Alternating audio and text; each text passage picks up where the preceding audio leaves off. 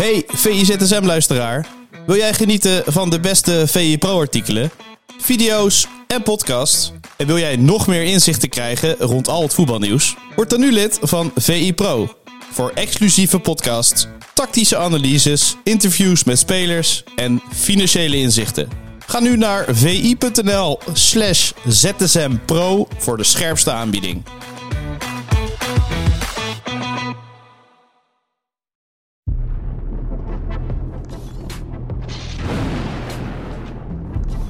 Ja, goedemorgen en welkom bij de nieuwe VIZSM van donderdag 23 november van het jaar 2023. Dit is de dagelijkse podcast van Voetbal International, waarin we natuurlijk altijd het laatste voetbalnieuws bespreken. Mijn naam is Matthijs Vechter en vandaag heb ik het genoegen met uh, Bas van der Hoven. Goedemorgen. Goedemorgen. Goedemorgen. Hey, we hebben de verkiezingsuitslag uh, natuurlijk gehad, uh, Bas, van Nederland. PVV lijkt de grootste partij te zijn met 37 zetels. heeft natuurlijk niks met voetbal te maken.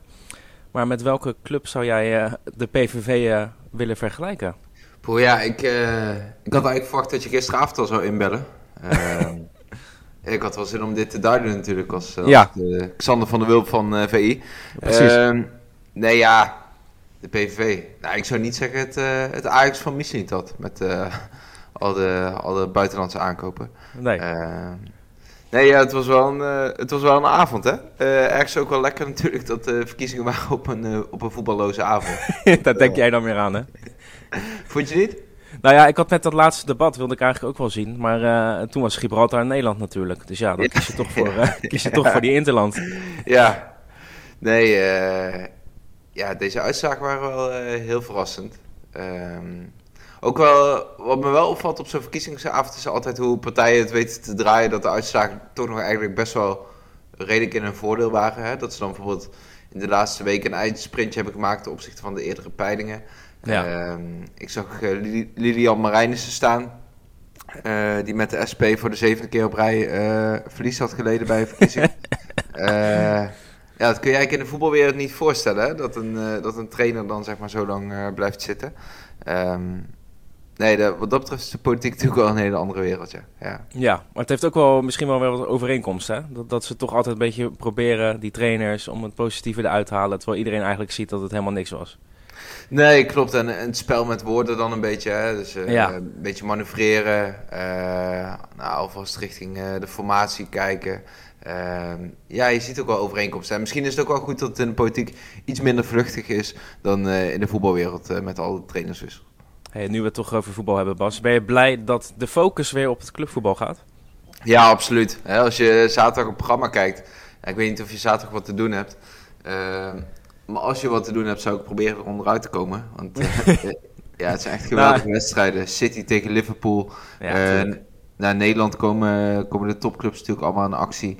maar ja, het is echt zo'n weekend voor een Europese week. Hè? Dus je hebt heel veel mooie wedstrijden op zaterdag. op zondag heb je Everton United, wat echt leuk is, denk ik. Everton aan het opkrabbelen. Natuurlijk wel uh, ja, bestuurlijk uh, de nodige problemen nu. Uh, Juventus Inter is nog. Dus nee, lekker weekend hoor. Ja, zeker ja. Hey, zullen wij naar het meest gelezen bericht op vi.nl gaan? Ja. En dat, dat gaat over een spits uit de keukenkampioen-divisie.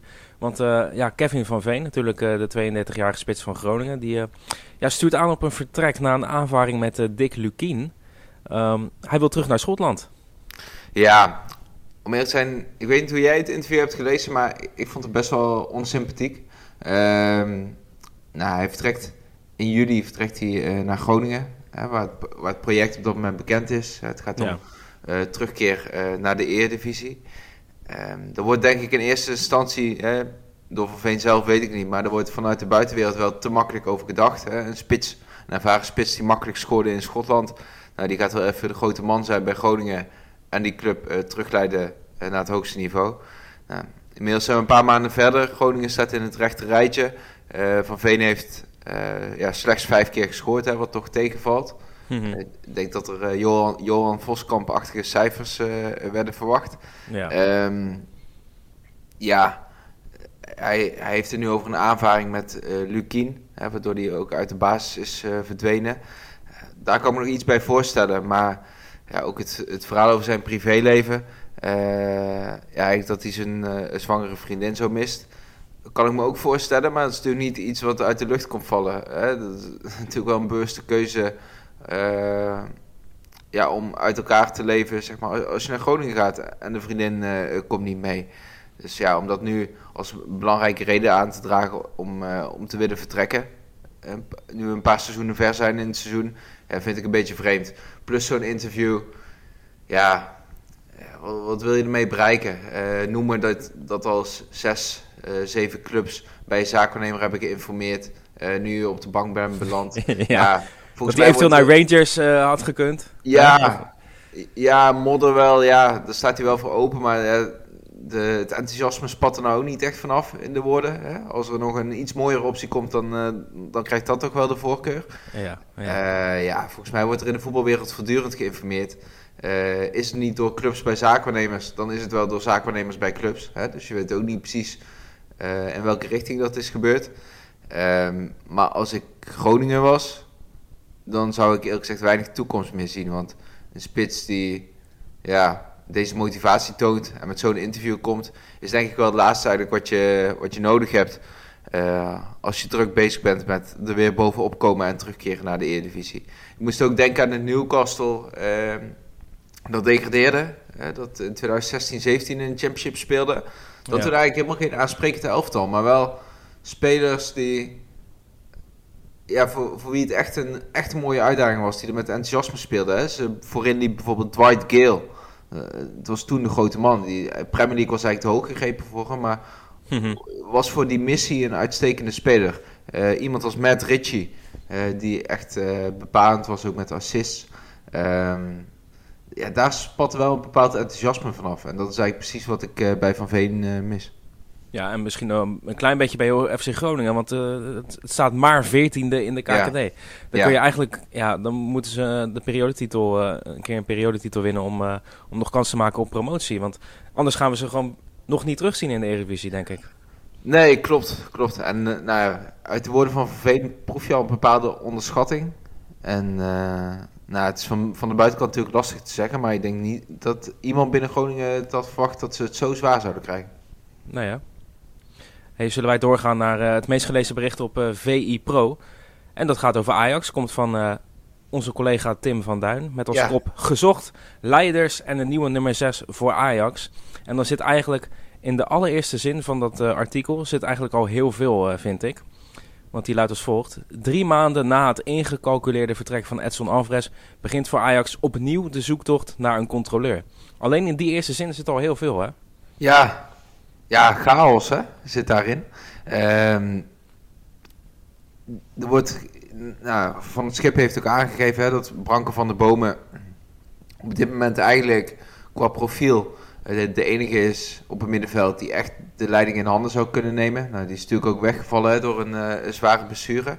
Ehm, maar ze zijn met name zoekende bij die controleurspositie. Hè. Het liefst geef je van de bomen natuurlijk bepaalde vrijheid om ja, voortdurend ook wel vooruit te denken hè, met zijn traptechniek. Uh, Met het creëren van kansen. maar voor Taylor geldt hetzelfde. Hè. Taylor is geen controleur. Dat zie je aan zijn spel af. Ik vind hem ook zeker geen nummer 10. Maar het is een verbindingsspeler.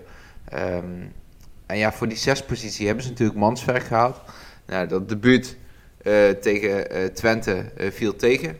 maar ik vond het eerlijk gezegd die dag ook ontzettend sneu voor hem. Omdat ja, was gewoon desorganisatie bij Ajax. En dat, in mijn ogen kon je dat vooral Marie Stijn verwijten op dat moment. Die ja, iedereen was toen echt heel erg slecht natuurlijk. Ja, hij was heel erg slecht. Alleen... Nou, maar iedereen. Oh ja, iedereen. Ja, klopt.